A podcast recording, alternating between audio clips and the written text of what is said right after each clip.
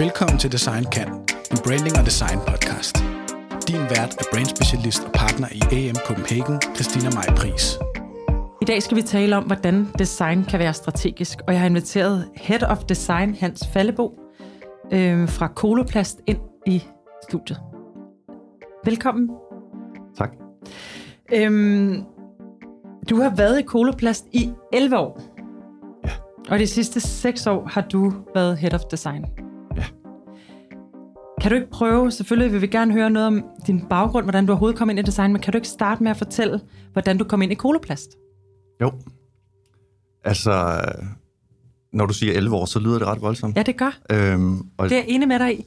ja, jeg, Og meget voksen. ja, jeg ved ikke, jeg ved ikke hvad, hvorfor det ene tog det andet, men, øh, men det var ikke planen, da jeg startede i Koloplast, øh, at jeg skulle være der så lang tid. Jeg blev, altså på det tidspunkt havde vi slet ikke øh, nogen øh, designafdeling. Design lå som en del af mekanisk design, øh, så, så det lå ikke rigtig Prøv at for- forklare, hvad du, hvad, du, hvad du mener, når du siger, det lå som Under- en del af mekanisk design. Mekanisk design er jo øh, altså mekanikingeniør, Hmm. øh, så, så det var en del af, hvad skal man sige, at konstruere produktet. Øh, Hmm. Og der lå design som, hvad skal man sige, den sidste chokoladesovs, du hælder ud over produktet for at gøre det nogenlunde spisbart.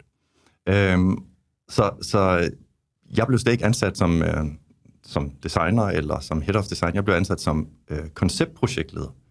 Øh, og det var egentlig for, fordi man havde erkendt, at der skulle noget andet til øh, i forhold til at komme ind med innovation og komme på nye idéer. Øh, så var man nødt til at have nogle folk med en lidt anderledes profil end de traditionelle projektledere, og derfor oprettede man det, der hed en konceptprojektleder. Og jeg var en blandt, jeg tror, vi var en 3-4 stykker. Og stod Koloplast for det samme for 11 år siden? Altså var det den samme produktportefølje? Eller har det ændret sig? Det var en væs- væsentlig anderledes Okay. øh, produktportefølje. Prøv at give et indblik i Koloplast-produkter altså, man, dengang. altså, man, man kan sige, øh, vi har jo vores forretningsområde, der er primært øh, stomi, det er det, vi er kendt for, det er os, der har opfundet stomiposen, øh, og så har vi kontinens, som er kateter, øh, og så har vi forskellige andre produkter inden for sårpleje, øh, transanal irrigation og sådan nogle ting. Øh, og det er jo i virkeligheden folk, der ikke ja, skal, kan skide eller Mm. ikke kan tisse, jamen der hjælper vi. Øh, Okay. og i virkeligheden er vores opgave øh, at gøre livet så let for mm. vores brugere som overhovedet muligt. Så det er ligesom det, er ligesom det vi fokuserer på. Øh, men, men man kan sige, øh, hele medtech-branchen er jo ikke fast-moving consumer goods, så det går relativt langsomt. Vores kunder er også relativt gamle. Nu, nu ændrer det sig lidt, fordi du kan ikke du kan ligesom ikke segmentere folk efter alder mere, så det er Nej. mere og en, en indstilling har du til livet, ikke? Øh, men, men på det tidspunkt var det sådan... Hvad mener du med det? Det er mere en indstilling til livet? Jamen, det er mere... Øh, du kan have en, øh, en 75-årig, som går klædt som en 23-årig, Mm, fordi det, det, er, det er, hvordan du føler dig. Så alder er ikke en differentierende faktor Nej, det er i hvert fald ikke, øh, det er ikke med til at beskrive dig. Før i Nej. tiden var du ligesom... Øh, Men publikummet er vel oftest ældre? ja, Ja, okay. he- helt bestemt, men du kan bare ikke sige noget omkring deres livsstil, Nej, bare nej. ud fra deres alder. Nej. Øh, fordi vi er meget forskellige, og vi vælger mange forskellige måder at leve vores liv på. Øhm, så, så vi var, øh, vi var meget fokuseret på de gamle, vi var meget fokuseret på, at det var sådan, hvad skal man sige, øh, det var sådan meget typisk medtech-løsninger, der faktisk ikke passede ind i dit liv, men egentlig fik dig til at føle dig mere syg. Hmm. Øh, og det kunne vores daværende direktør godt se, at det skulle vi gøre noget ved. Øhm, så han øh, satte et projekt i gang med at kigge på, øh, et, altså kan vi udvikle et design-DNA. Og øh, der hyrede vi øh, et bureau ind, der hed Native. Men hvor var det? Ja, Var det må der, hvor du var konceptprojektleder? Nej, det var faktisk lige et halvt år inden jeg begyndte. Ah, okay. Så, så da jeg kom ind, så havde Native lavet et, øh, et, et rigtig fint stykke forarbejde i, øh, i forhold til at lave produktoplæg og øh, et oplæg til, til DNA. Øh, men, øh, men der var lige så meget change management i det, øh, fordi der var en kæmpe stor modstand øh, på det tidspunkt omkring design, og det er jo bare, altså folk, folk opfattede det lidt som en, en bare en fordyrende faktor. Det var nærmest sådan lidt fyre. Ja, Ja. det var lidt noget pynt, du satte Ja. på produkterne, øh, og Og de skulle jo bare virke. ja, Ja. Er det helt tilbage til, altså Koloplast blev etableret i 1957? Mm. Og det er, så vidt jeg ved, er det en familieejet virksomhed, eller Ja, det var ja. det i hvert fald. Jamen, det er eller, det det, er det stadig. Og, øhm, og så har jeg læst mig frem til, at det er en kvinde, der lavede den første, Elise, Elise Sørensen, Sørensen, ja. som lavede den første stomipose. Ja. Når, og så bliver jeg nødt til at spørge, altså som at det var den første. Det var den første. Hvad gjorde man før? Det her, det, hun lavede den jo i, i kvæg, at hendes søster havde et behov. Ja. Hvad gjorde man Hun, før? hun kombinerede jo sådan set en, en klæber, altså et plaster, med en plastikpose. Øh, så man kunne klæbe en plastikpose rundt om din stomi, og så ja, opsamle det lort, der kom ud af din stomi. Hvad gjorde man før? Før det, der viklede man øh, bomuldsbind øh, bind rundt om maven for at Okay. holde, holde det sammen, eller du havde nogle, nogle lagen eller noget stof, som du viklede rundt om for at samle øh, output. Okay. Øh, så det var faktisk en øh, ret øh, klam øh, Vildt. fornemmelse eller oplevelse at have en Ja. stomi. Øh, og ja, det, det var, altså jeg har ikke set, altså jeg har ikke set nogen billeder af det, men det skulle Hmm. efter sigende have været ret, ret forfærdeligt, Det lyder fordi rigtig voldsomt. lugt og output ja. og alt muligt, altså det er jo en rodebutik. Ja. Så øhm, Mm, nu når jeg går lige et par skridt tilbage igen. Da du så vælger at gå ind som konceptprojektleder, hvad, hvad er det, du ser ved koloplast, som er interessant? Altså, vi kommer tilbage til din baggrund, som blev med at sige, du, er, du har jo øh, udviklet mange typer produkter igennem din karriere. Mm. Du har blandt andet haft et, øh, en virksomhed, der hedder Morfoso, hvor Mm. du selv sad og lavede, øh, du arbejdede med LED. Ja. Ja. Jeg kan huske det. Jeg kan huske, at det var banebrydende, da du kom frem med mm, øh, Morfoso-lamper kombineret med en sækkestol med lampe i. Altså, jeg, jeg kan simpelthen huske at tænke, hvad sker der med det her brand? Altså, de gør noget helt andet. Og det var da LED var helt nyt og hot, ikke? Ja. Klip til, at du vælger at gå i koloplast, som jo er noget helt andet. Ja. En helt anden type produkter, og de ikke engang har designarven Ja. internt endnu. Hvad, hvad, hvad drev dig? jamen, øh, jeg, altså, jeg, jeg troede heller ikke, at jeg ville kunne finde mig til rette i koloplast. Så du skulle bare lige forbi. Jeg skulle lige se, hvad det var, fordi det var en kæmpe stor virksomhed, øh, og jeg kan huske det første, den første samtale, jeg havde i Koloplast, der så jeg de glasmontrer, hvor vi udstiller vores produkter, og jeg tænkte, hold da op, her kan jeg gøre noget. Ja. Altså, her kan vi virkelig Yes. gøre en forskel på brugeroplevelsen. Øh, og det blev ligesom lidt øh, vejen frem. Altså, øh, det kan godt ske, at Koloplast ikke laver øh, de mest sexede produkter i forhold til, hvor jeg kom fra. Øh, det kan også godt ske, at øh, brugerne i virkeligheden ikke ønsker at bruge vores produkter, mm. men er tvunget til det. Men, men øh, jeg synes, forpligtelsen til at lave et godt produkt og en god brugeroplevelse, den, den skulle vi tage til os. Mm. Øh, og det var egentlig derfor, jeg fik lidt blod på tanden. Øh, hvad kan vi gøre for at blive klogere på brugerne? Hvad kan vi gøre for at lave bedre produkter til brugerne? Øh, så det var, egentlig, øh, det var egentlig der, det startede. Øh, og, så, og så havde jeg en øh, chef på det tidspunkt, øh, som egentlig var ret åben øh, og også ærlig omkring fejltagelser, og hvad, hvad vi gjorde forkert, og hvad vi kunne gøre bedre. Øh, og det synes jeg egentlig det synes jeg er en ret spændende tilgang til det, at vi skal lære vores fejl, og vi skal komme videre. Altså, koloplast var jo ret meget fremme på nogle andre områder i forhold til design. Husker jeg, da jeg var på designskolen. Jeg kan huske, vi var ude og se, jeg tror, det var Boss og Fjord, de hed dengang, Ja. der havde indrettet hele rum hos jer, Ja. hvor man kom ind i sådan nogle øh, farverige rum og hoppede rundt på bolde og møbler, der var bygget anderledes. Så det var der, hvor man skulle have kreative sessions. Og og jeg kan sådan huske, at jeg tænkte, det er jo øh, crazy, fordi når man gik ud på gangene, og så gik ind i det rum, så var der den vildeste kontrast. Ja. Men der var noget mod Ja. på at rykke sig, så den har ulmet lige der, at Ja, ja. Men det er altså, rigtigt. Så på den måde har, har I jo i virkeligheden været fremme på, nogle, på mange områder i forhold til mange andre store corporate virksomheder. Ikke? Jamen, ja, Koloplast har egentlig været ret langt fremme øh, på mange ting, og jeg synes egentlig også, at Koloplast har en øh, nysgerrighed som organisation mm. til at, eller, at lære nogle nye ting. Øh, man kan sige, øh, det er måske bare ikke altid de rigtige ting, man har gjort. Nej. Boss of Fjord var, altså, det var sådan lidt en, det var en trend på det Ja, det tidspunkt. kan jeg ikke? godt huske. Øhm, og det var faktisk, altså det var Og det var en sjovt. stil. Ja, det var en stil, ikke? Og det var lidt en dødsfælde at bevæge sig ind i det der rum Okay. der. Jeg synes, det var det mest ubehagelige rum at sidde og brainstorme i, men sådan er man jo så forskellige. Altså, det der med, at det skal være så kreativt, så det bliver kreativt, ikke? Altså, Ja, lige sådan- nok det er det Men det kreativitet har jo noget, der har kreativitet. rykket, ikke? Mhm. Altså, Ja, og, og der var en nysgerrighed, og det er der mm. stadigvæk. Øh, og det er også derfor, jeg måske øh, har hængt på så lang tid, fordi der er en nysgerrighed, og der mm. øh, tingene ændrer sig hele tiden, og det til det bedre. Og det mm. synes jeg er, er mega fedt at være en del af. Øh, så ja, der var en nysgerrighed på det tidspunkt, øh, men, men det afgørende spring, det kom, da vores øh, daværende direktør, Lars Rasmussen, han ligesom valgte at sige, nu, nu laver vi et designteam. Øh, var, var det noget, der kom fra ham? Er det noget, jeg pressede på fra internt? Altså, så I et behov? Eller hvad, hvordan Ja. sker sådan noget her Jeg, jeg internt? kender ikke helt de mekanismerne i det, men, men jeg vil skyde på, at vores nuværende direktør, øhm, Christian Willumsen, øh, han kom fra McKinsey. Han kom lidt fra, fra hvad skal man sige, en, en verden uden for koloplast.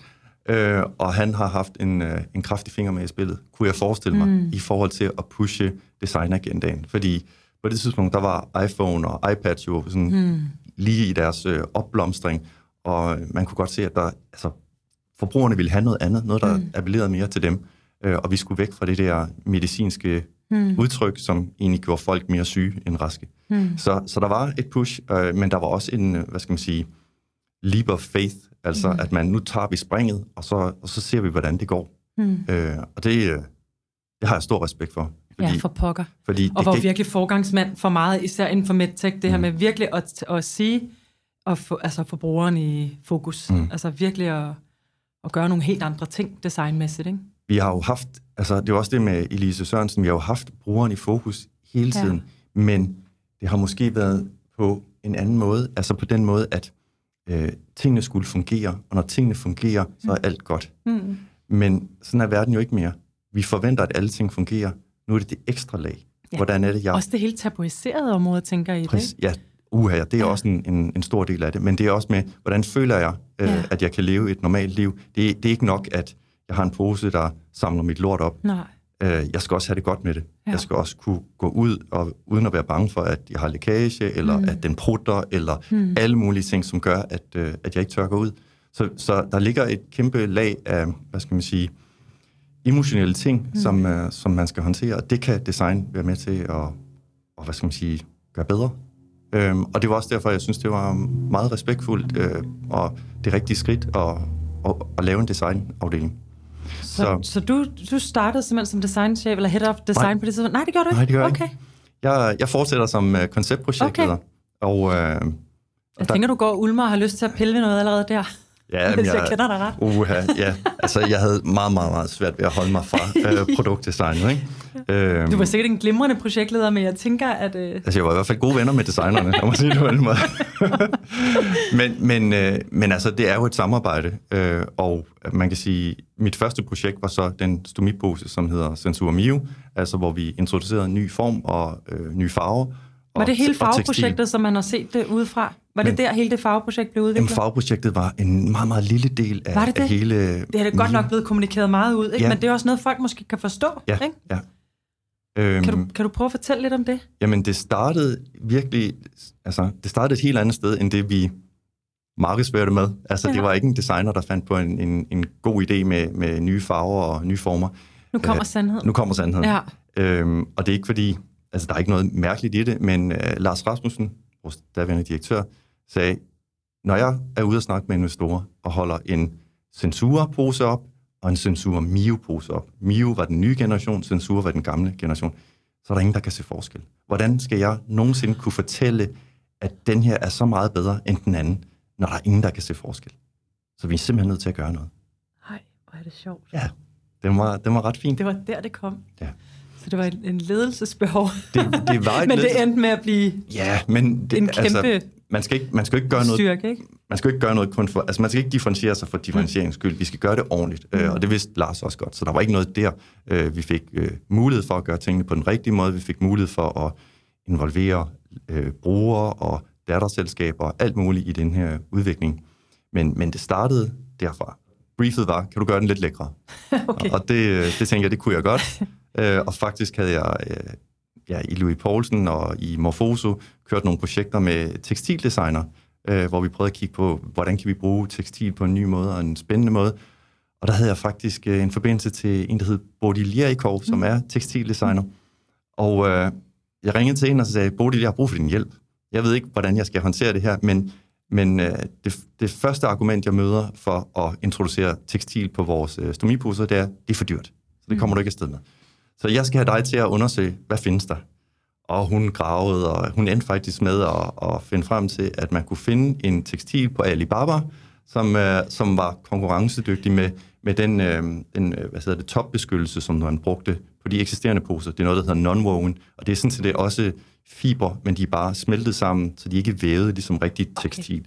Okay. Um, og suger heller ikke i samme grad. Nej, men der, der er mange ting, hvor mm. det, det er ikke så lækker en oplevelse nej, at have nej. det på. Men anyways, um, det var meget, hvad skal man sige, uh, attraktivt prismæssigt med, med non-woven. Det var derfor, man valgte det i sin tid. Men, men, uh, men et rigtigt tekstil giver bare en bedre oplevelse, fordi det er jo det, vi har på som tøj og du ved, i vores Det er mere jakker, som naturligt. får. Det er mere naturligt, det er det, vi... Det, det er I stedet for at mærke kold plast, eller hvad var materialet før, siger du? Non-woven. Og, som, men følte, som, som ikke føles som tekstil på kroppen. Det, er, det er ligesom uh, de mundbind, vi, uh, vi går rundt med, de der hospitalsmundbind. okay. det krasser bare, du det siger krasser, det. det krasser lidt, og det, er, det er ikke nogen særlig Nej. Nej. behagelig oplevelse. Øh, nå, men jeg fik så Bodil til at kigge på, på, hvad man kunne finde, og hun kom så tilbage med en pris, som viste, at tekstil kunne godt konkurrere med non hvis vi gjorde det rigtigt. Øh, og det gav mig jo blod på tanden, og så gik vi så videre derfra. Øh, og så kom, Og hvad var din rolle på det her tidspunkt, Hans? der var jeg igen projektleder. Der var du stadig projektleder, Ja. okay. Øhm, så gik vi i gang med at kigge på form. Hvad kan vi gøre for at ændre formen? Fordi vi synes, øh, den meget mærkelige formgivning, der var på stomiposer på det tidspunkt, den harmonerede ikke rigtig med, med det simple udtryk, vi gerne ville have. Øhm, og så kiggede vi faktisk på, farver kom faktisk først ind senere. Nå, Øh, og det var fordi, at da vi, vi prøvede jo så igen at imitere, jeg ved ikke, om I har set en stomipose, men den Jo. ligner jo sådan lidt grisehud. Ja. Sådan lidt orange, lyserød-agtig. Øh, og det havde man jo lavet i sin tid for, at den skulle være, altså blende ind med din hudfarve. Hmm. Problemet er bare, at der er ikke nogen, der der har... er ikke så mange, der har den hudfarve. Nej, det er der Nej. ikke. Og hvis du så kigger på andre mennesker med andre hudfarver, så er det i virkeligheden bare lidt ubetænksomt at, ja. at lave den i den farve. Så, så der var noget der, der ikke helt harmonerede. Men på det tidspunkt, der vidste vi ikke bedre. Så vi prøvede at finde øh, nogle grisehudsfarver i tekstil, og prøvede at, at svejse det sammen på, på poser og se, hvordan det virkede. Og det, der egentlig var ret interessant, det var, at når du gik fra non til tekstil, øh, så var udtrykket helt anderledes. Så når vi viste det til bruger, så lignede, lignede det jo øh, mormors øh, undertøj. Og så sagde alle de mandlige brugere, det vil vi simpelthen ikke gå med, det der. Sådan Isabella-farvet øh, pose der, det går simpelthen ikke. Og prøv lige at fortælle mig, hvordan I inddrager brugere i sådan en proces der generelt. Jamen, vi har jo, øh, vi, vi involverer brugere i, øh, i små fokusgrupper Okay. undervejs Mm. mm. i hele pro, øh, I forløbet. alle processer i virkeligheden. Stort set alle Ja. processer, ja. Øhm, så det er egentlig... Og det har I også altid gjort, ikke? Det har, det, så vidt jeg ved, ja, Ja. det har vi altid gjort. Øh, og det er super stærkt. Øh, man skal selvfølgelig også øh, være opmærksom på de faldgrupper, der er i at Mm. involvere brugerne, fordi man skal ikke lade sig diktere af brugerne, men man skal tage deres input ind, Hmm. øhm, og så bearbejde det. Men man kan sige, at inden for MedTech er det også noget lidt andet, end når man sidder og udvikler bare øh, hyggelige produkter hjem til, ikke? Altså her er der virkelig... Det kan mærkes, ligegyldigt hvad man tager beslutninger. Altså, det har en stor impact, Ja. ja. og man kan sige, brugere er gode, fordi det kan også være med til at, hvad skal man sige, reducere risikoen for at, at skyde helt ved siden af. Ja. Men jeg synes nu, i forhold til, hvis du kigger på livsstilsbranchen, man kunne godt lære noget. ja, det om- tror jeg ikke, de har lyst til, Hans. Nej, det, det, kan, det kan selvfølgelig godt ske. Det kan godt ske. De ved jo ikke, hvad de har brug for. Nej, nej. Men, og det er også det der med, at man skal passe på, fordi øh, hvis du arbejder med gamle data, altså hvis du, hvis du spørger bruger, hvis du samler statistisk materiale og sådan nogle ting, jamen, så er det jo kun et, en status på, hvad der er foregået, mm. og hvor vi er nu. Mm. Så hvad er det, der peger fremad? Men, men min holdning er, at data er ikke dårligt, øh, fordi det giver dig også en, øh, en, hvad skal man sige, en læring om, hvad har virket og hvad har ikke virket. Øh, og det kan du også bruge, Klart. når du ligesom skal kigge fremad. Mm. Så jeg tænker, hvis jeg skulle tilbage i livsstilsbranchen, så vil jeg da prøve at tage nogle af de her redskaber med, fordi mm. de giver faktisk rigtig god værdi. Ja. Øh, man, kan, man kan ramme øh, målet lidt, lidt renere, hvis, øh, hvis du involverer brugerne, eller hvis du i hvert fald er nysgerrig på Mm. trends, og kan du ud fra, hvad brugerne siger, udlede øh, metatrends, eller bare megatrends. Øh, det, det, det giver noget mere træfsikkerhed. Mm. Men Man kan også sige, at livsstilsbranchen og MedTech har bevæget sig tættere og tættere på hinanden igennem årene, så man lærer jo selvfølgelig hinanden på kryds og tværs. Det er lidt sjovt, fordi øh, vi prøver selvfølgelig at blive inspireret af livsstilsbranchen. Ja. Vi har kigget rigtig meget på kosmetik. Ja, i, altså, selvfølgelig. Øh, fordi når vi skal lave et nyt øh, kateter til kvinder, Mm. jamen, når det så falder ud af din taske, så skal det jo ikke ligne et medtech-produkt, så skal Nej, det jo ligne præcis. et, noget andet. Det er noget, du omgiver dig med. Ja, lige præcis. Mm. Øh, så det var hele mantraet, der vi, det var så det andet projekt, jeg, jeg lavede i Koloplast. Det var så øh, Compact Eve, som er det trekantede kateter til kvinder, mm. øh, som var, altså gik all in på design. Øh, og det var mega fedt og mega sjovt. Øh, men altså, det skal, det skal blende naturligt ind i, øh, i din hverdag. Øh, og det var ligesom også det, der var målet. Mm.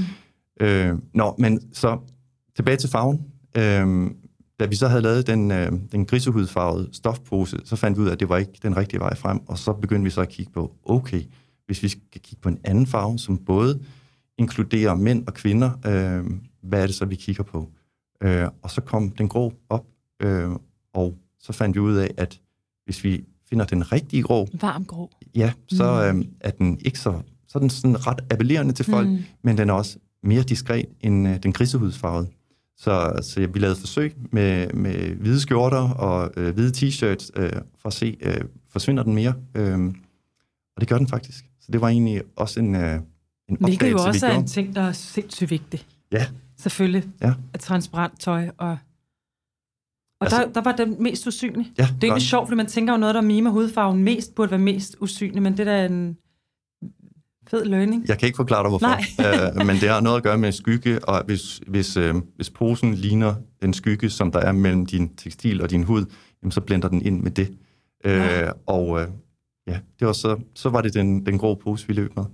Øh, Så nu har alle jeres projek- eller produkter den farve? Altså alle jeres... alle vores nye... Øh, ja, Okay.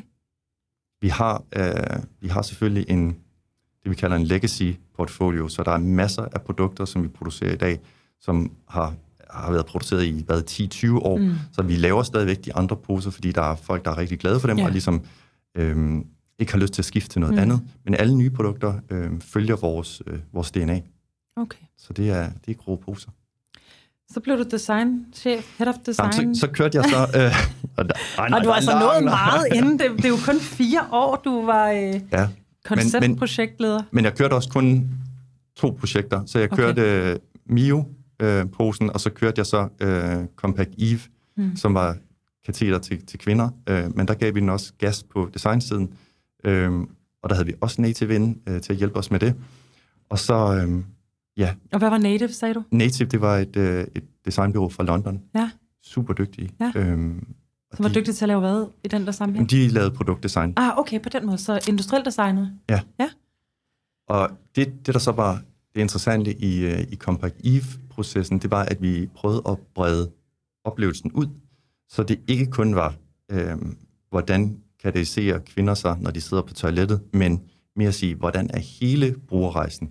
Hvordan er det, du første gang møder et koloplastprodukt? Hvordan er det, du bliver onboardet? Hvordan er det, du har det med, øh, når du skal ud? Øh, og hvordan er det, du bruger det? Og hvordan er det, du bortskaffer det? Øh, og især bortskaffelsen var, var faktisk en, mm. en, en større udfordring, man lige, øh, end vi lige havde troet. Øh, så det var egentlig at brede det hele ud, og vi prøvede, at, eller vi designede alle mulige løsninger til, hvordan du kunne øh, have det med, hvordan du let kunne øh, øh, ja, bortskaffe det og gemme det og alle mulige ting. Men i virkeligheden så selve produktdesignet løste rigtig mange af, af de øh, problemer, der var, fordi det var designet på en måde, hvor det bare passede ind mm. i dit liv. Så når det lå i din håndtaske sammen med din øh, øh, du ved, makeup og din, øh, og din mobiltelefon, så var det ikke noget, der stak ud.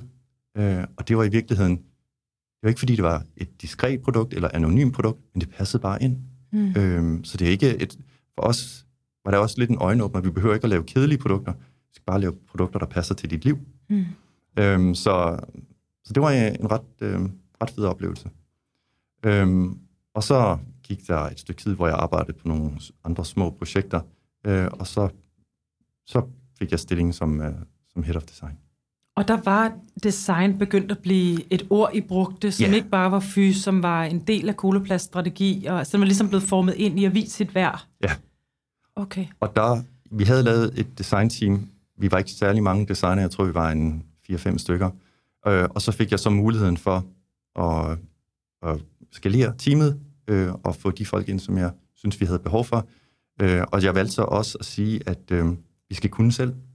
Så Øh, ikke noget øh, eksternt bureau på vi- produkt? ikke, ikke, vi skal Nej. ikke være afhængige af eksterne. Nej. Vi bruger stadigvæk eksterne, og Ja. det kommer vi til at gøre øh, øh, altså fremadrettet, men, men øh, det er to årsager. Den ene er kapacitet, fordi mm. eksterne kan hjælpe os, hvis vi har kapacitetsproblemer. Ikke? Men øh, også den anden ting, det er, at øh, nogle gange har vi også øh, brug for at få, hvad skal man sige, blive sparket lidt der, hvor det gør lidt ondt. Ny Øh, inspiration ja. og mm, input udefra? Vi skal ikke blive for selvfede. Nej. Så, så vi bruger det på forskellige måder, men det er bare meget, meget vigtigt, eller var meget vigtigt for mig, at vi selv kan. Mm. Vi skal selv eje øh, processen, vi skal selv kunne øh, køre øh, designet i, i mål. I virkeligheden eje DNA'en, ikke? Design-DNA'en. Mm. Og det er nemlig det næste, ja. det er, øh, det var Native, der havde lavet vores tidligere DNA, øh, så det var enormt svært for os at ligesom finde ud af, hvad, hvad kunne vi pille ved, hvad kunne vi ikke pille ved. Og det er også derfor, vi nu har lavet et nyt DNA. Altså, hvad kan, nu siger du, hvad kan vi pille ved, hvad kan vi ikke pille ved? Er det ud fra sådan et legal spørgsmål, eller er det ud fra sådan en øhm, det med at tage det til sig og være ambassadører for designet internt i jeres det, organisation? Det var mere det sidste. Okay, øh. så, så det der med, at man, når man jo ikke havde en native til at sige, sådan gør vi, sådan gør vi, så skulle man til at tænke det selv, men man havde ikke hele mellemregningen. Er det det, du mener? Ja, lidt. lidt så man havde ikke ligesom ejet den på den måde? Lidt, lidt. Okay. Øh, ja, det, det er rigtigt. Øhm, så så det, det er også det der med at tage ejerskab. Mm-hmm. Øh, hvis du selv udvikler noget, så, kan du, så tager du meget mere ejerskab. Men som jeg ser design, så er der ikke noget, der er mejslet i sten. Så et, øh, et DNA, som er lavet for 10 år siden, det skal opdateres. Mm. Øhm, og det er jo så der, vi nåede til, at øh, vores DNA var ved at være lidt gammel. Vi kunne også se, at der var nogle, lidt nogle huller i vores DNA. For eksempel tog det slet ikke højde for sustainability, eller de digitale oplevelser, som er linket sammen med produkterne. Så vi var nødt til at gøre noget. Øh, så derfor... Og hvornår gik I i gang med den proces? Jeg sidder med en bog her, som, øh, som jeg fik lige, da du kom, der hedder User Experience DNA. Ja. Som jo er, det er jo, det er jo, som jeg også sagde til dig, det er jo helt fantastisk at se, at Koloplast har lavet øh, et produkt på den måde, og taget sig selv og øh, øh produkterne og hele DNA'et så seriøst. Mm-hmm. Øhm, og jeg har fået, kun lige fået lov til at bladre lidt igennem den, men jeg tænker, du lige skal sætte nogle ord på det. Altså, vi er enormt stolte over det. Og også hvorfor øhm, den hedder User Experience DNA? Ja, det er, det, det er også meget bevidst, øh, fordi øh, vi har ikke noget problem med design, og vi synes, design er det fedeste i hele verden, men det er ikke, det, vi laver ikke design for, at folk kan sidde og beundre designet. Vi laver design for, at brugerne får en god oplevelse. Mm. Det er super, super vigtigt, og det er også vigtigt, at vi ligesom kommunikerer det, og det er også derfor, vi kalder det User Experience DNA. Så det er vores, det, det er nogle retningslinjer, guidelines til, hvordan vi kan give brugerne en bedre oplevelse. Mm. Øhm, og det er lidt tilbage til, at vi skal ikke være selvfede, vi skal lytte til, hvad brugerne vil have, og vi skal finde den rigtige balance i at give dem en god oplevelse. Mm. Og det er også det, vi prøver med, med det nye DNA. Og så er det allervigtigste, det er jo, at, øh, at vi ejer det. Uh, mm. vi, har, vi har ejerskab på det, vi kan briefe eksterne designer, og vi kan justere, når der er mm. behov for det. Um, Prøv at fortælle om det noget. Nu, igen, jeg sad og bladrede den igennem, og der er jo, der er jo, det er jo fyldt med både øhm, produktrenderinger, produktfoto og øh, øh, skitser på en sådan god gamle marker øh, skitser. Det er jo faktisk et, det er en utrolig dejlig rejse at kigge igennem. Ikke?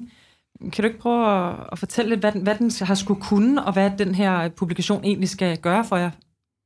Altså, vi synes, at det var rart med en fysisk ting, øh, mm. fordi vi er alle sammen produktdesigners. Vi kan godt lide at få en fysisk ting i hånden, og, vi, og der er et eller andet over at få et produkt i hånden. Så derfor vil vi gerne have det ud som en bog.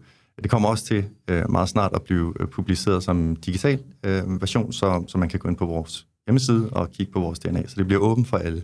Super interessant. Ja, fordi vi synes også, det skal være en åben proces. Altså mm. prøv at, et, et DNA, vi har lavet nogle flotte renderings, vi har nogle holdninger til nogle ting, men, men det overflødige gør ikke øh, de gode designer i projekterne. Mm. Så det, det er meget, meget vigtigt. Og det er også den måde, vi har bygget øh, bogen op på, eller vores DNA op på, det er, at det er nogle guidelines. Vi, det er ikke en manual. Vi kommer ikke til at fortælle, hvordan godt design er lavet i koloplast, fordi vi laver så mange forskellige typer produkter, øh, vi har så mange forskellige projekter, og der er så mange øh, hensyn, man skal tage, øh, når man laver produkter, så, så vi kan ikke bare sidde og diktere, det her det er godt, og det her det er dårligt. Så derfor er det guidelines, øh, og det er meningen, at det skal inspirere designer og også andre til at tage de rigtige beslutninger for vores brugere.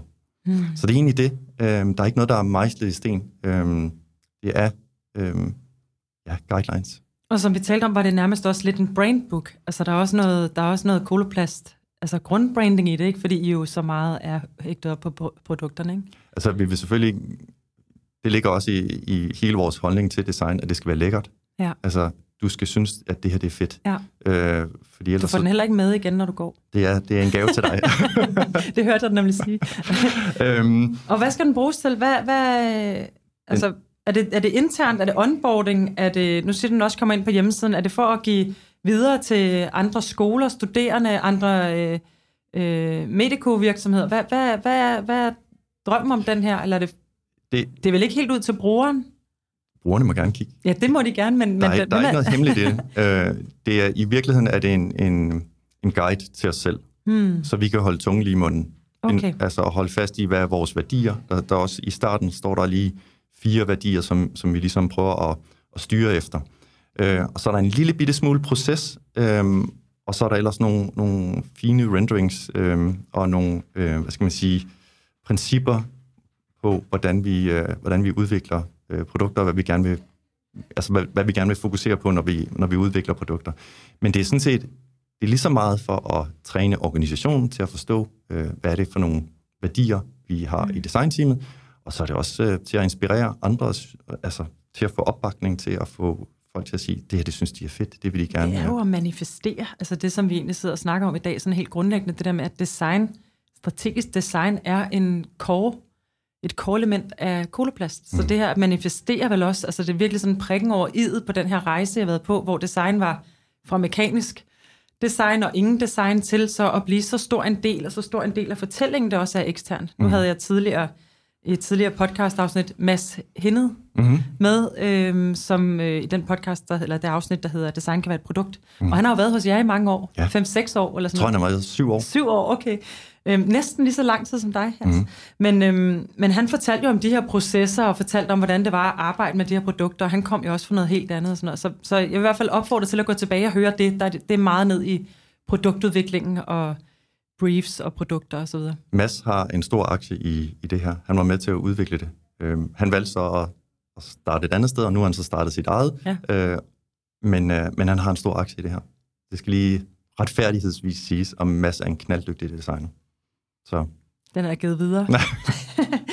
øhm, så tilbage til målgruppen. Altså, øhm, det er simpelthen noget, der skal kunne øh, manifestere design internt hos jer. Kunne også have, der er jo også noget med noget stakeholder management, tænker jeg. Ja, altså der er jo... Øh, I det altså, hele taget er stakeholder management bare et utroligt interessant emne, tænker jeg, generelt, ja. når man sidder som head of design i ja. en stor mediekovirksomhed. Det er rigtigt. Altså, det her det er jo også ligesom for at få bare ind øh, og for at få folk til at sige, jamen, vi kan godt se den værdi, som design leverer. Mm. Øhm, og jeg ved godt, at selve vores DNA og bogen, den viser ikke, hvad skal man sige, produkter. Den viser øh, udsnit af nogle mm. produkter, øh, noget som kan inspirere. Men det er også gjort bevidst, for det er mere den fornemmelse, vi gerne vil, vil overlevere til vores brugere, øh, som vi vil have ud i bogen. Mm. Øhm, så, så der er ikke produktoplæg, øh, og det skal ikke forstås mm. som, at, at vi laver produkter i, mm. altså alene i designteamet, for det gør vi ikke. Det er et samarbejde. Men vi vil gerne give en, en bedre forståelse for design, og vi vil gerne øh, invitere til, til samarbejde omkring design. Mm. Øhm, og det er også lidt tilbage til, hvordan er det, vi styrer design. Øhm, design er jo en brik i koloplast, ligesom mange andre. Øh, og nu, snak, nu snakker vi om, at det kom fra mekanisk design mm. i sin tid. Men vi har jo stadigvæk mekanisk design, og de mm. gør det super godt.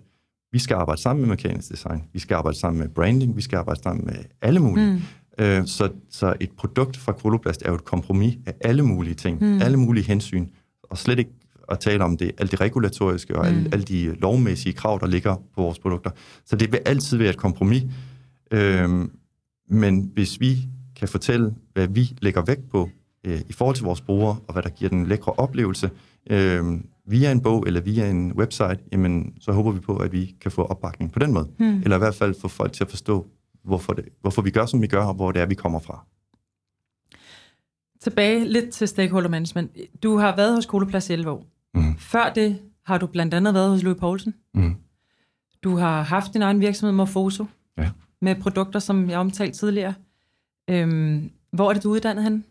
Jamen, jeg er uddannet fra Arkitektskolen i Aarhus, ja. øh, hvor jeg startede med to år på ja, bygningskunst, og så, og så på det tidspunkt vidste jeg faktisk ikke, der var noget, der hed... bygningskunst? Jeg tror jeg faktisk, det, ja, det, kan godt, det er så mange år siden, jeg kan ikke huske det. Men to år med bygning, og, og så de sidste tre år med, med industriel design. Hmm. Men det interessante var, at jeg vidste faktisk ikke, hvad industriel design var. Heller ikke, da jeg begyndte på arkitektskolen. Jeg, jeg, altså, det, det lyder meget banalt i dag, ikke? fordi alle ved, hvad design er. Det tror jeg ikke. Men jeg, jeg, du designer alt. Jeg, jeg kommer jo ikke fra en, uh, et designmiljø. Mm. Øh, jeg havde ikke noget med... Altså, min, min far var øh, hvad hedder det, læge, og min, min mor var korrespondent, så jeg har ikke noget at gøre med designverdenen fra... Du Hvilket ved. giver så meget mening af det, du sidder nu, ikke? Korrespondent og læge. Jo, jo. Altså, altså jeg tænker, den stejle læringskurve, også må have været at blive en leder, som du også er blevet, ikke? Altså, det er jo, det er jo helt vildt, den der kommunikation, du egentlig har skulle... Ja, Før der... har du kunne klare dig selv, ikke? Nu har du... Altså, det må have været den vildeste lederuddannelse. Ja, det var en meget, meget stejl øh, ja. læringskurve, da jeg fik jobbet som, øh, som, ja, som head of design. Hmm. Og jeg har lavet mange fejl. Jeg har lavet virkelig, virkelig mange fejl. Jeg har virkelig gjort virkelig, virkelig mange dumme ting.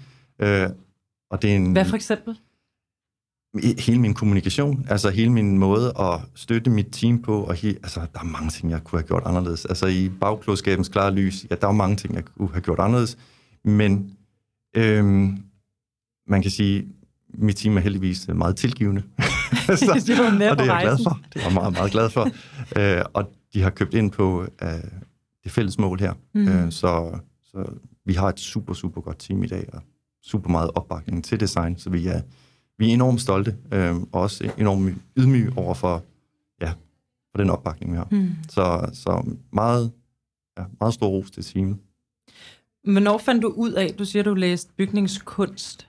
Jamen- og industriel design, hvornår fandt du ud af, altså vidste du det lige da du stoppede, at du ville bare, det ville være, altså i virkeligheden, hvorfor gik du overhovedet ind på at læse arkitektur, hvis Jeg- du ingen baggrund havde for det? Hvor? jeg startede faktisk med at læse ingeniør Nå, på, okay. på DTU. Okay, ej, det giver jeg- mening. Jeg troede, jeg skulle være ingeniør. Det var sådan, Mm. mm. du ved, ligesom mange andre designere, så øh, forstår forældre ikke helt, hvad, hvad er design. Nej. Øh, så jeg troede, jeg skulle være ingeniør, fordi det kunne alle forstå. Øh, så, så fandt jeg ud af, at det skulle jeg ikke. Øhm, jeg ved ikke, om det havde noget med studiet at gøre. Jeg tror i virkeligheden bare, at jeg ikke var klar til at læse på det tidspunkt. Så jeg, jeg, skulle, øh, jeg skulle have en pause. Og så begyndte jeg at arbejde som smed, mens jeg, mens jeg okay. søgte ind på arkitektskolen, og så kom jeg så ind på arkitektskolen. Og så havde jeg så en lærer, der efter halvandet år sagde til mig, prøv lige at kigge på, hvad de laver over på ID. Og så kom jeg derover, og så kunne jeg bare se, det her, det var det, jeg skulle. Jeg var slet ikke i tvivl. Du kunne bare mærke det med det samme. det var det, jeg havde, det var den hylde, jeg havde let efter. Øh, og så kom jeg så ind på, på ID, og så blev jeg så færdig der i januar 2000. Og det har ikke været nogen lige vej, og det tror jeg ikke, når jeg møder øh, mine designkolleger, så er der ikke nogen designer, der har en lige vej igennem karrieren. Øh, så, så jeg var sådan lidt, da jeg blev færdig, var jeg lidt træt af hele øh, designmiljøet, så jeg kom faktisk ind på et bureau, øh, digitalt bureau, et af de første, Nå, øhm, og lavede hjemmesider og navigationsdesign og sådan noget der. Ja, det interaktion. vidste jeg ikke. Nej.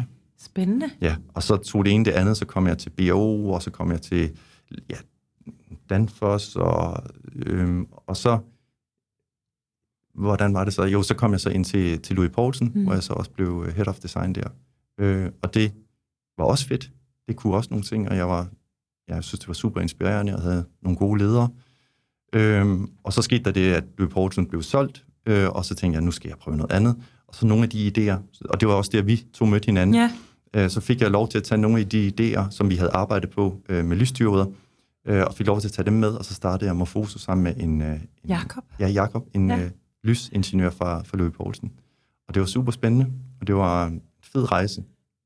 Øhm, Det var virkelig vildt og startervagte dengang, kan jeg huske. Ja, det Jeg var, lavede jo mit afgangsprojekt med dig som mentor. Ja. En LED-lampe. Og du var jo den, der vidste mest om LED på det tidspunkt. Altså, det er ret interessant. Altså, du har virkelig nørdet ned i nogle ting, ikke? Altså, det, er jo, det må være ret grundlæggende for dig. Ja, det er faktisk rigtigt. Altså, jeg kan godt lide at nørde med Ja. det. Altså, Og så er det øh, nærmest ligegyldigt, hvad det er, ja. hvis du bare kan komme dybt nok. Og Ja. det må man jo sige, du har gjort de sidste 11 år, ikke? Men det er meget sjovt, du siger det, fordi øh, for mig er det meget processen. Mm. og jeg er ikke så forelsket i resultatet.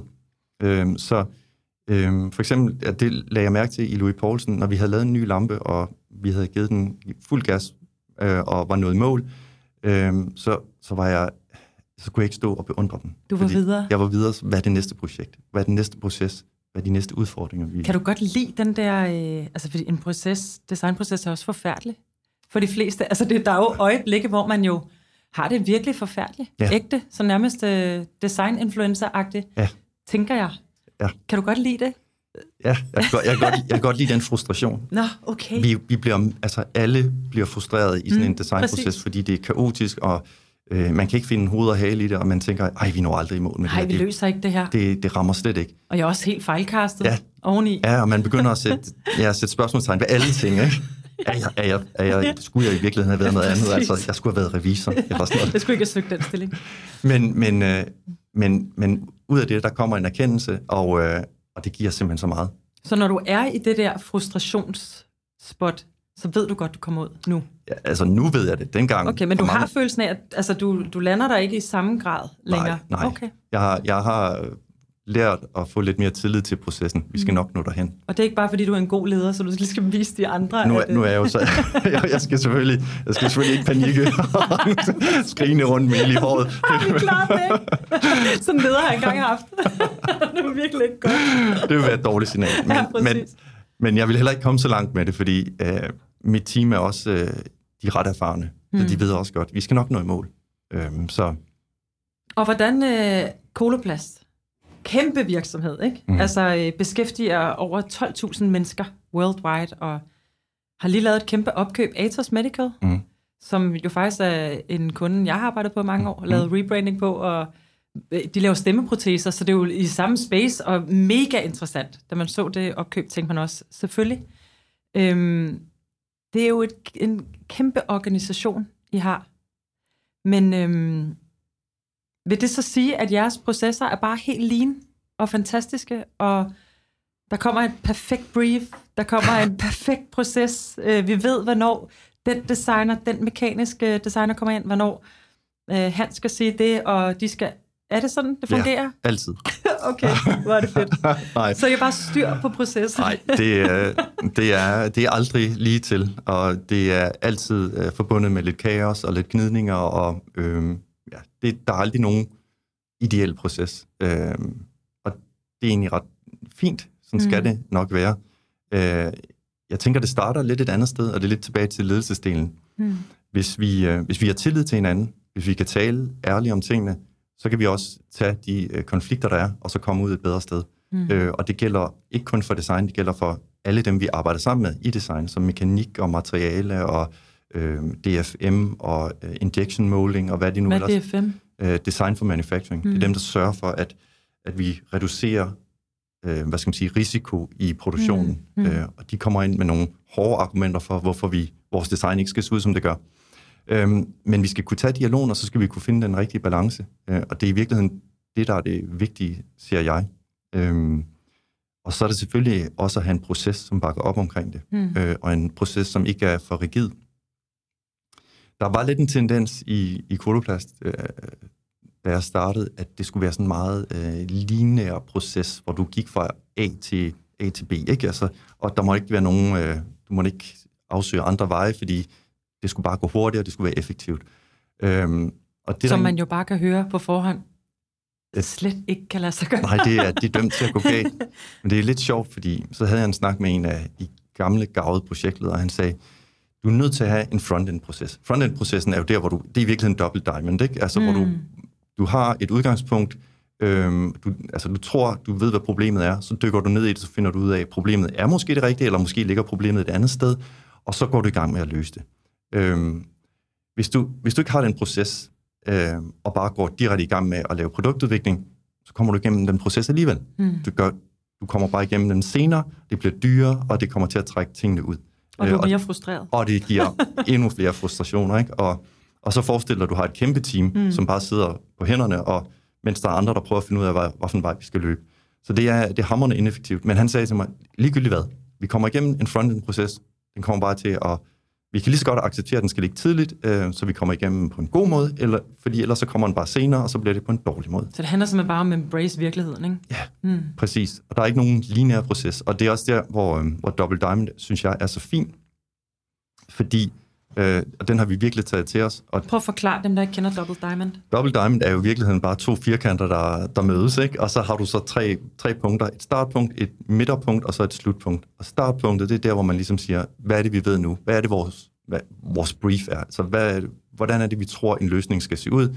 Og så er det det, vi går i gang med at kigge på. Så eksplorerer vi, så folder vi det mm. ud, så spørger vi brugere. Og... Så det er det her med at åbne og lukke, ja, og åbne og lukke i processen. Åbne og lukke ja. Mm. processen. Så vi starter med at åbne op, Øhm, og så eksplorere og finde ud af, er det det rigtige, vi prøver at løse her, eller, eller, eller er der noget, vi har misforstået, og skal mm. vi justere vores problemformulering? Og så på et eller andet tidspunkt synes vi, at vi har fået erkendelse nok, og så lukker vi sammen, og så siger vi, nu har vi problemformuleringen, lad os gå i gang med at løse opgaven. Mm. Øh, og så går vi så i gang med det, som jeg bedst kan lide, og det er konceptudviklingsarbejde, og brainstorme, og lave koncepter, og produktdesign, og alle de der ting. Og så på et eller andet tidspunkt, så har vi igen kastet så mange bolde op i luften, og så skal vi samle de tråde og, og komme frem med, lad os sige, to til tre øh, anbefalede løsninger. Det lyder meget lineært. Det er det jo ikke, fordi i virkeligheden så øh, går du i gang, øh, når du får dit brief med at lave øh, konceptoplæg, selvom du måske godt ved, at du skal ud og spørge nogle brugere, eller du skal mm. gøre nogle, altså lave noget mere research, men du er simpelthen nødt til at bare komme i gang, øh, og derfor bliver det meget hurtigt en kaotisk proces, men det er også fint nok, fordi Øh, der kommer noget erkendelse ved at lave nogle produktoplæg eller nogle koncepter, øh, som kan give dig inspiration til, hvad skal du så spørge brugerne om. Mm. Du kan ikke bare gå ud og spørge brugerne, og så, og så tro, at det brugerne siger er det rigtige, og så kan du så lave dine problemformuleringer, og så kan du gå, gang med at, gå i gang med at løse opgaven. Sådan fungerer det ikke. Og vi har flere eksempler på, hvor vi prøver at gøre det meget lineært, men, men at det, det falder til jorden. Så for eksempel så lavede vi, vi skulle lave et, øh, et kateter øh, til kvinder, øh, og øh, så gik vi ud og spurgte, hvad vi gerne have. Vi vil gerne have et større håndtag, så I har bedre, lettere ved at styre produktet, og når det skal indføres. Er sådan kateter bare, øh, øh, det er bare meget et rør, ikke? Det er sådan set bare Så- et, et rør med et håndtag, øh, et, ligesom et sugerør. Mm. Øh, hullerne sidder så lidt anderledes, mm. men så indfører du det så ind i urinrøret, og så øh, kører det hele vejen op til, til din blære, øh, og så kan din urin løbe ud af blæren igennem det rør. Så det er, det er en, en ting, man gør, og så fjerner man det igen? Ja, Okay. så det er det, er det der hedder intermittent catheter. Så det, Mm. er et, øh, det er et produkt, der sidder inde i kroppen i, i en kort periode. Okay. Der findes også mere permanente Ja, løsninger, præcis. men det, er ikke, øh, Mm. det, det har vi ikke noget at gøre med. Øhm, Så det startede jeg op på. Ja, og der lavede vi en masse research, og så fandt vi ud af, at øh, folk vil gerne have et større håndtag. Øh, det giver god mening. Du, så er der mere at holde fast på, og, og du kan lettere styre det. Så det var det, vi gik i gang med at, at lave koncepter på. Og det, der så viser sig, det er, at når vi så går ud og viser et produkt, som jo naturligvis vil vokse i størrelsen på grund af et større håndtag, så siger brugerne, at det vil vi ikke have. Det er jo alt for stort. Det var slet ikke det, vi ville. Altså, vi vil have et kompakt produkt. Aha, mm. jamen så er det en erkendelse af, at okay, alting har en pris. Ja, Vi, præcis. vi skal balancere de her ting, så når de siger, at de vil have et større håndtag, så må det ikke være på bekostning af et større produkt. Og det er sådan nogle ting, dem finder du først ud af, når du mm. er i gang med at lave løsningerne.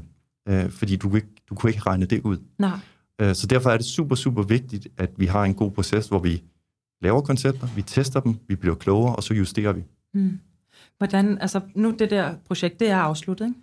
Jo. Ja. Hvor lang tid tager det fra, at øh, I starter med jeres frontend, øh, hvad var det, du kaldte den, frontend? Front-end innovation. Ja, hvis, altså fra I starter der til I har et færdigt produkt i markedet, fordi det er jo igen meget forskelligt fra organisation til organisation, men, men jeg tænker, at det er nogle lange projekter, I kører, ikke? Altså det er ikke mange år, eller Jo, hvad? jo, det er, det er nogle... Hvor lang tid tog det med kateter? Jamen, det kan tage, jeg kan ikke lige huske i det her tilfælde, men det kan tage, altså det kan tage et par år til, Mm. det kan også tage længere tid, det kan også tage tre år.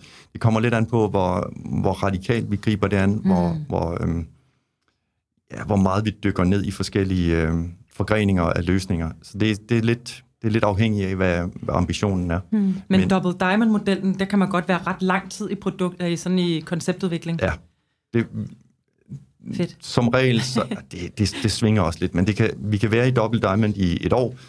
Vi, vi lægger faktisk op til nu, at øh, vi skal forkorte den proces, fordi at bruge lang tid mm. i Double Diamond er ikke nødvendigvis det, der giver værdi. Så kan vi komme hurtigere frem til nogle løsninger med et mindre team. Så prototype mere. Ja. Går du så ind som head of design og siger, så lukker, nu skal vi videre, altså nu snæver vi ind, Det, eller er det noget, det er naturligt... det, det, det, vi, har, altså, vi kører en matrix-organisation, så det er typisk en projektleder, der går ind og, Okay. styrer de der ting. Mm. Øh, men, men folk kender jo processen. Ja. Folk, altså, så der er ikke, øh, man laver en plan, og så følger man den plan. Ja, okay. øh, og så kan det godt ske, at du har en dobbelt diamond inde i den plan, Mm. men, men, øh, øh, men folk kender den, altså folk kender jo godt processen, så, så det er ikke sådan, at, at projektlederen skal svinge pisken eller noget. Det, vi ved godt, hvor vi skal hen. Så, så det, det kører egentlig ret øh, gnidningsfrit. Øh, det er mere, altså selvfølgelig skal der, der skal indgås nogle kompromiser i, i sådan et produktudviklingsforløb. Øh, og der skal tages nogle hårde beslutninger. Og når vi laver produkter, jamen, så er det jo typisk med brugeren i fokus, øhm, og vi kan ikke være ambitiøse nok. Øhm, så, så når vi så møder, hvad, hvad for en omkostning kan det her produkt bære, jamen så er det så, der skal skæres ind til benet. Og så må vi så skære nogle ting fra, eller justere i konceptet, så vi rammer den rigtige pris. Øh, og det, der opstår gnidninger. Mm. Det, er, det er det helt store brorvalder Det lyder sådan. men, men, men det er ikke anderledes end sådan er det også i andre Sådan organisationer. er det i alt, jo. Øh, men, men vi har en god proces omkring det, og folk, øh, altså folk er realistiske nok til at vide, at øh, der skal skæres ind til benet. Vi skal mm. kunne tjene penge på det her. Det er ikke, altså, vi driver en forretning. Hmm.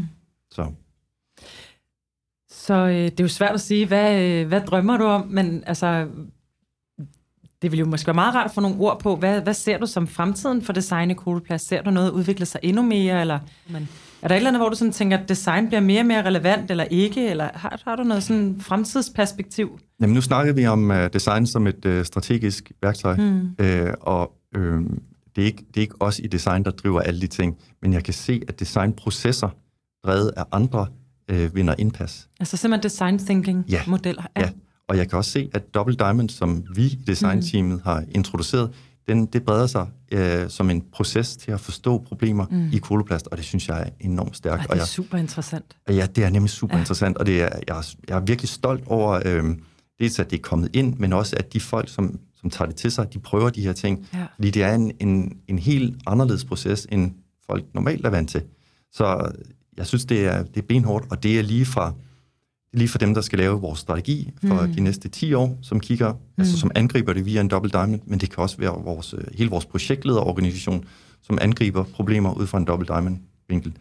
Det synes jeg er stærkt. Det er da mega fedt, og det er jo virkelig, det er jo virkelig startet indenfra, og så begynder det bare mm. at se ud i organisationen. Mm. Ikke? Mm.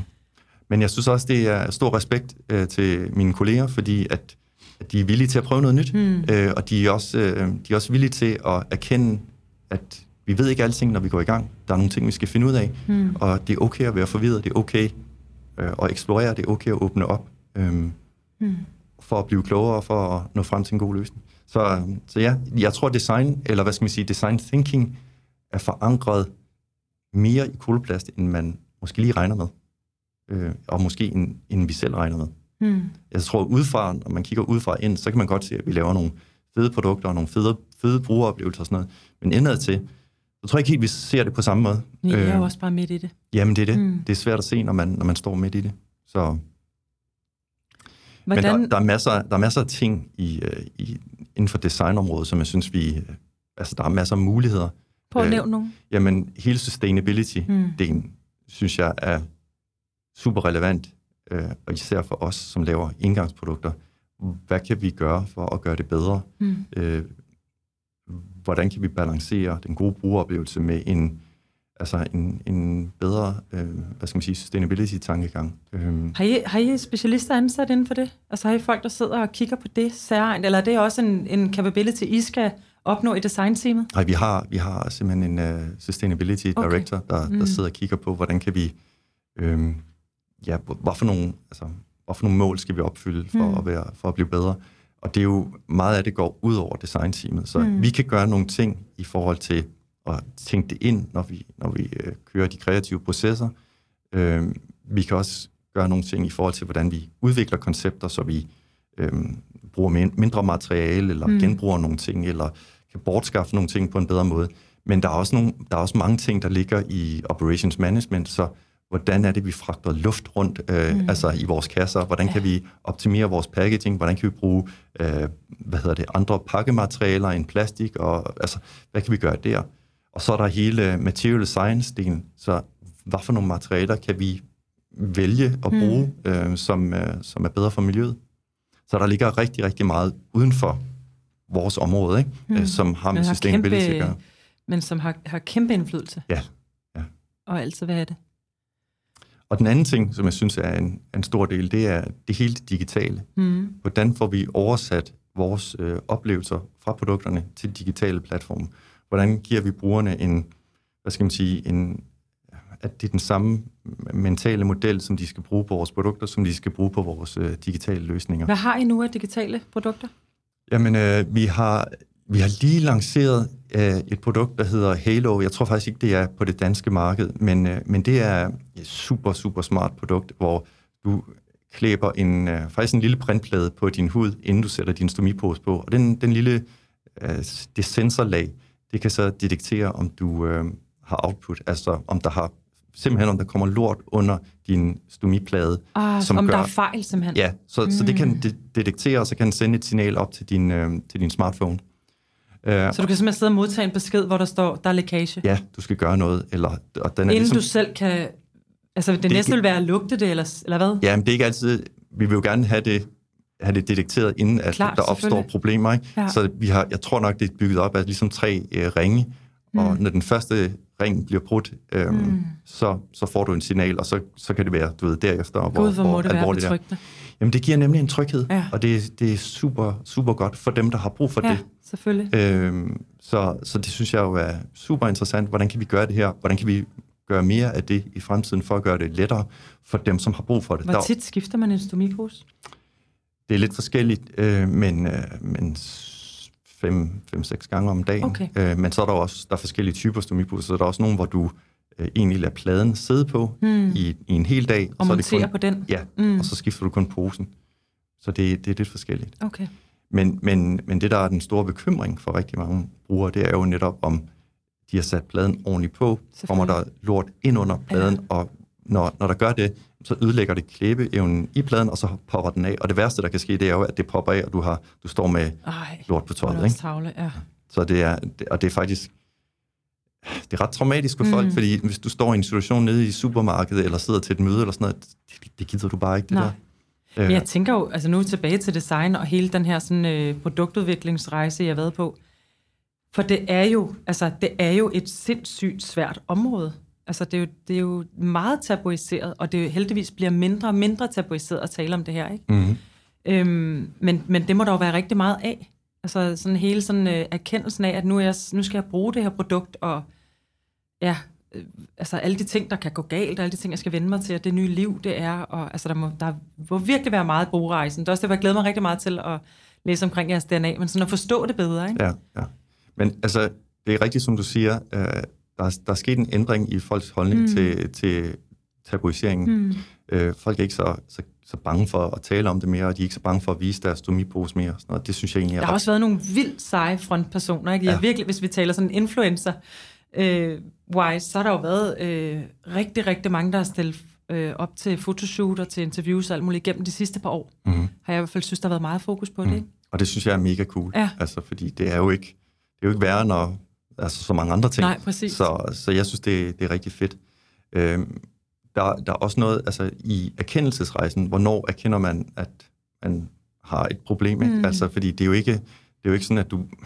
Jo, det, det kan også være sådan, at du lige pludselig vågner op med en stomi, Mm. givet nogle årsager, men, men mange gange så er det en, en lang rejse hen til at erkende, at du har brug for en stomi, fordi din tarm simpelthen ikke fungerer ordentligt, eller Og så tage beslutning. Ja. Mm. Øhm, og der er simpelthen nogen, som har enormt... Altså, der er mange, der har meget, meget, meget svært ved at håndtere det. Det er også et svært skridt, Det kan jeg jeg, forestille også. mig.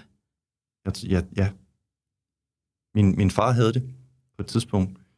Øhm, I en periode? I en periode. Mm. Øhm, og han gik fuldstændig ned, psykisk, Ja. fordi at han, han, han følte, at det larmede fra stomien, Mm. og at han følte, at det lugtede, og, øh, og så isolerede han sig fuldstændig. Ej. Og det, det ser vi også med mange af vores brugere, ja. at de, øh, de mister det sociale, øh, og det er super ærgerligt. Ja. ja, det er godt nok tavle. Det er jo fantastisk, at øh, det er jo fantastisk at høre alle de overvejelser, jeg gør. Jeg selvfølgelig gør I det, men det er jo, altså, det, det er jo alt sammen på vej til en rejse om, at vi bliver meget mere åbne omkring alle de udfordringer, vi alle sammen sidder med hele tiden, ikke? som vi skal tage seriøst. Øhm, hvis du skal give, nu har du haft sådan en, du har haft en ret fantastisk rejse, ikke? fordi du jo har arbejdet med mange forskellige ting. Mm. Øhm, både med bare lækre lifestyle-produkter, øh, man for eksempel kunne ligge i, og så lyse den samtidig, eller øh, Louis Poulsen, altså high-end design, og, og nu øh, Coloplast, som jo er sådan noget virkelig, øh, ja, hvor man, hvor man virkelig kan mærke, at man gør en kæmpe stor øh, forskel for en masse mennesker. Hvis du skal give et godt råd tilbage, simpelthen som dig, Hans, tilbage til studerende eller folk, der kommer ud i, øh, i verden som designer. Du har prøvet lidt af hvert. Ja. Altså er det det samme råd, du vil give, at man skal prøve lidt af hvert, eller har du et eller andet, hvor du sådan tænker, gid jeg bare, gid der nogen, der havde sagt det til mig dengang, da jeg skulle til at træde ind i den her verden? Uh, ja, den, den, det, det har meget, meget, meget svært ved at svare på. Altså, jeg tror, man skal finde sin egen vej, mm. og at man skal finde ud af, hvad det er, der gør en glad. Mm. Øh, jeg har set på nogle af dem, som jeg har læst sammen med, som var rigtig glade for research-delen, Mm. øh, som jeg også synes er en kæmpe stor del af designprocessen. Det har aldrig været mig, men, men hvis det er det, man godt kan lide, så, så for guds skyld, Mm. dyrk det.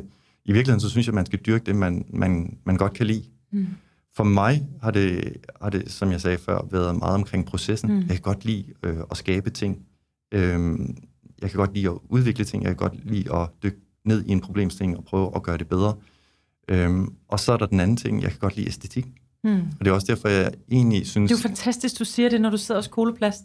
Ja, men jeg synes også, Ja. det, jeg synes æstetikken, er, som, som designer skal vi virkelig værne om ja. det æstetiske. Fordi Det har jo nærmest også været fy i en periode. Ja, det har det, det har det. Øhm, og når alt bliver skåret ind til benet, jamen så det vi står op for, øhm, det er æstetikken. Altså, ja, der har virkelig været meget grimt design de Ja. sidste par år. og, og prøv at det, det nytter ikke noget, at du kan bortforklare det med en, en super god proces Nej. eller super god research, Fordi hvis, hvis øh, resultatet ikke er særlig fedt, Hvis det ikke er noget, vi har lyst til at omgive Nej, os med. så, så er det lidt ligegyldigt, Ja, hvor fin ja. din proces har været. Mm. Og, det, og det synes jeg, mm, hvis jeg skal være lidt hård ved designbranchen, så har vi været for fokuseret på processen og øh, for lidt på resultatet. Hmm. Og det er ikke fordi, jeg siger, at vi skal glemme processen, for processen er vigtig, men hvis, hvis det resultat ikke er godt, så kan det være ligegyldigt. Ja. Så du skal lave, du skal, og det er også det, vi går meget op i i designteamet i Koloplast, at det skal fandme se fedt ud. Mm. Altså ligegyldigt, hvad vi laver, det skal se fedt ud. Mm. Og det, altså, det, noget af det kommer lidt tilbage fra dengang, jeg gik på arkitektskolen, hvor jeg kan huske, vi havde en, en opgave omkring øh, bygningskonstruktion, og det var rimelig usekset, øhm, men det var noget, vi skulle igennem, og så var der en ingeniør, der sagde til mig, prøv at der skal nok være folk, der sørger for, at huset her holder, Mm. men hvis det ligner crap, så kigger de på dig. Så det skal I bare lige tænke på som arkitekter. Og det synes jeg var fuldstændig rigtigt. Ja. Der er også masser af mennesker, der, som nok skal kigge på, om de her ting kan produceres, øh, om vi har lavet den gode user research, men hvis det ligner noget, der er løgn, Mm. mm. så er det os, det peger på. Så det skal være fedt. God pointe. Og i forhold til øh, et godt råd til virksomheder som Koloplast, det der med at tage design ind, kontra at købe design, eller måske ikke fokusere så meget design, ikke have det integreret i deres strategi.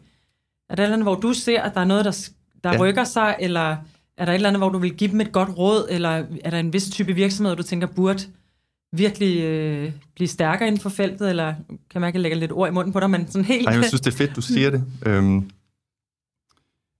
altså, man skal selvfølgelig finde sin egen vej som virksomhed, men jeg tænker, også, også øh, via min, øh, min tid hos Løb Poulsen, hvor vi brugte eksterne designere til at udvikle idéer, og så kom de så ind.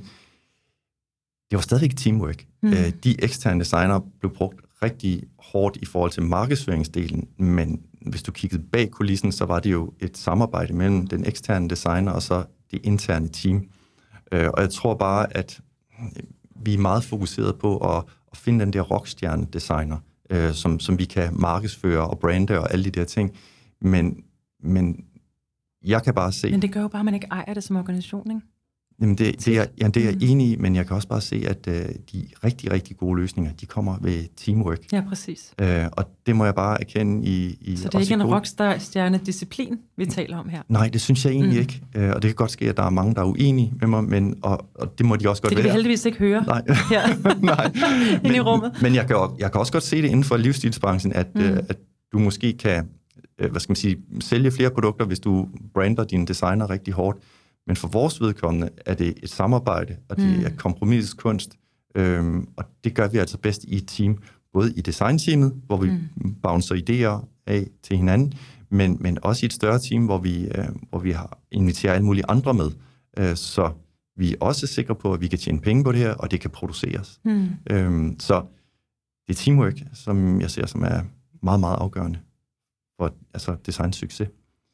Om hvorvidt man skal lægge det ind eller ud, øh, det har jeg ikke nogen holdning til. Altså, Koloplast har en størrelse, hvor det giver god mening øh, at have et internt bureau, men hvis du er en mindre virksomhed, så skal man måske overveje, om, om det er en omkostning, man kan tage, mm. eller om hvor meget du får af benefit øh, for at have en, en designer siddende.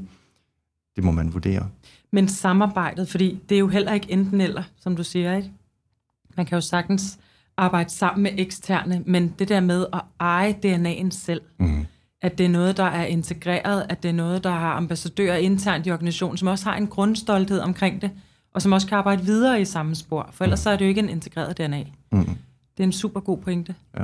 Og det tror jeg, øh, ja, det er der mange, der, øh, der helt sikkert kan arbejde endnu mere med. Ja, det, er, det er faktisk en, en rigtig god pointe. Øhm, vi, vi gjorde også nogle erfaringer med, at øh, hvis, du skal have, hvis du skal styre en ekstern designer, så skal du have en lige så stærk intern ressource, ellers så, så kan man ikke styre det, så Nej. går det galt.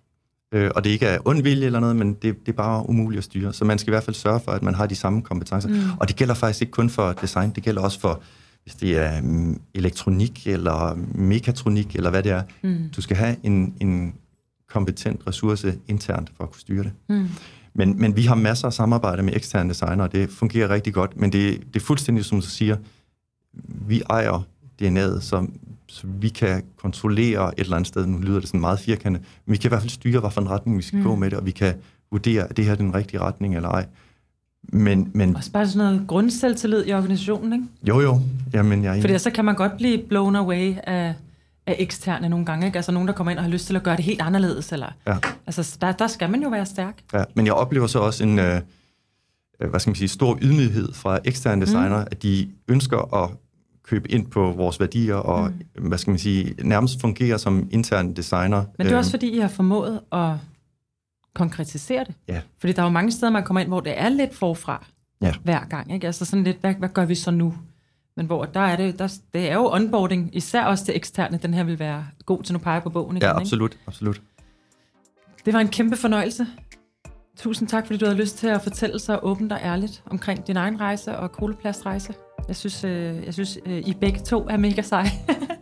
og held og lykke med det hele, Hans. Tusind tak, fordi du gad at høre på mig. Altid. Og tak, fordi du lyttede med på podcasten Design Kan. Gæsten var Hans Fallebo. I kan følge podcasten på Design Kans hjemmeside, Facebook-profil eller på AM Copenhagens Instagram. Afsnittet er optaget, klippet og mixet af Tobias Automat, og jeg håber, vi høres ved i næste afsnit, hvor jeg igen vil udforske alt det, design kan.